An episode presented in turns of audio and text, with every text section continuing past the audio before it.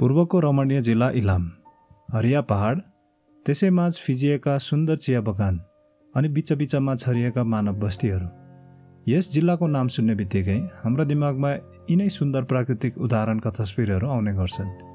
यसका साथै इलाम जिल्ला भन्ने बित्तिकै छवटा अ आलु अलैँची अमृसो अदुवा ओलन र अन्तु डाँडा पनि हामीले सम्झिने प्रमुख कुराहरू हुन्। यिनै प्राकृतिक क्षेत्रहरूमध्येको एउटा सुन्दर स्थल माई पोखरी इलाम जिल्लामा पर्ने महत्त्वपूर्ण धार्मिक र आकर्षक पर्यटकीय स्थल हो। नमस्कार आज हामी प्रदेश एकको यो सुन्दर माई पोखरीको धार्मिक र सांस्कृतिक महत्त्व र आसपास रहेका जैविक विविधताको बारेमा कुरा गर्न बात मारौँको यो चौथो एपिसोड लिएर उपस्थित भएका छौँ। जैविक विविधताको अन्तर्गत विशेष गरी यस क्षेत्रका चराहरूको अवस्थाको बारेमा हाम्रा एनसिएससीका साथी आस्था जोशीको कुरा पनि सुन्नेछौँ।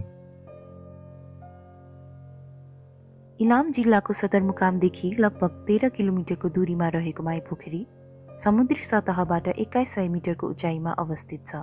करिब बाह्र हेक्टर क्षेत्रफलमा फैलिएको माइपोखरीका नौवटा कुनाहरू छन् जुन नौवटा देवी देवताप्रति समर्पित छन्। पहाडको टुप्पोमा अवस्थित यस पोखरीको पानीको मुख्य स्रोत भनेको प्राकृतिक मूल र आकाशे पानी हो।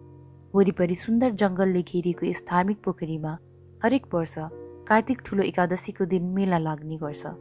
भनिन्छ हिन्दू धर्मावलम्बीका आराध्य देव भगवान शिव माता पार्वतीका साथ हरेक वर्ष कार्तिक एकादशीका दिन यस पोखरीमा भ्रमणका लागि आउनुहुन्छ। माई पोखरीको एक छेउमा वनस्पति उद्यान पनि छ। यसै उद्यानमा रक गार्डन अर्किड हाउस र नेपालका विभिन्न ठाउँबाट सङ्कलित बोट बिरुवाहरू राखिएका छन्। यसका साथै पोखरीको वरिपरि कमल सुनगावा चाँदीगावा चिलौनी कटुस लालीगुराँस र धुपी लगायतका वनस्पति र विभिन्न जडीबुटीका बिरुवाहरू प्रशस्तै भेटिन्छ। बोट बिरुवा सँगसँगै यस धार्मिक क्षेत्रमा दुम्सी चरीबाग स्याल जस्ता जनावरहरूको पनि अभिलेख छ। यसका साथै माई पोखरी ठकठके हिमालय न्युटको रैथाने वासस्थान नेटिभ ह्याबिट्याट पनि उल्लेख गरिएको छ। यस्तै माई पोखरी करिब तिन सय प्रकारका विभिन्न चराचुरुङ्गीको वासस्थान रहेको विभिन्न अध्ययनहरूले देखाएको छ। जैविक विविधताका साथै हिन्दू र बौद्ध धर्मावलम्बीको महत्त्वपूर्ण धार्मिक स्थलको रूपमा चिनिने माई पोखरीलाई सन् दुई हजार आठ अक्टोबर अठाइसका दिन रामसा क्षेत्र भनी सूचीकृत पनि गरिएको छ। माई पोखरी परिसरमा किरात गुरुङ शेर्पा तामाङ ब्राह्मण नेवार छेत्री र दलित समुदायको बसोबास रहेको छ। यी समुदायको धार्मिक आस्था यसै पोखरीसँग पनि जोडिएको छ। माई पोखरीलाई शक्तिको केन्द्र मान्ने यी समुदायले पोखरीसँग सम्बन्धित रहेका थुप्रै पुराना कथाहरू पनि बताउनु भएको छ। स्थानीयको भनाइअनुसार धेरै पहिले एउटा सानो चरा यस क्षेत्रमा बस्ने गरेको र पोखरीमा झरेको पातहरू टिपेर अनकन्टार ठाउँमा पुऱ्याइ पोखरी सफा राख्ने गरेको रहेछ। त्यसै गरी पोखरीको उत्तर पश्चिम कुनामा रहेको गुफा छेउमा औँसी र पूर्णिमाको बेलामा बत्ती बाल्ने प्रचलन रहेको कुरा पनि स्थानीयले बताउनुहुन्छ। यस्तै पहिले पहिले टाढाबाट आउने तीर्थालु भक्तजनहरूलाई माई पोखरीले नै खाना र भाँडाकुँडा दिने अद्भुत शक्ति रहेको पनि स्थानीयले बताउनु भएको रहेछ। धेरै पहिले माई पोखरीमा गलैचे झार रहेको जसमा पानी हाँसहरू आएर बस्ने र घाम ताप्ने गर्ने रहेछन्। सदरमुकामबाट आएका बाहिरका व्यक्तिहरूले सो झार निकालेर लग्ने गरेकोले त्यस पश्चात पानी हाँसहरू पोखरीमा आउने क्रम घट्न थालेको रहेछ।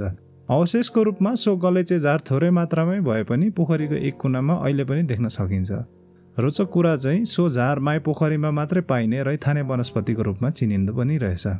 यस प्रकार विभिन्न पौराणिक कथाहरू बोकेको माई पोखरीको सम्बन्ध स्थानीय समुदायसँग अझै पनि गाढा रूपमा देखिन्छ।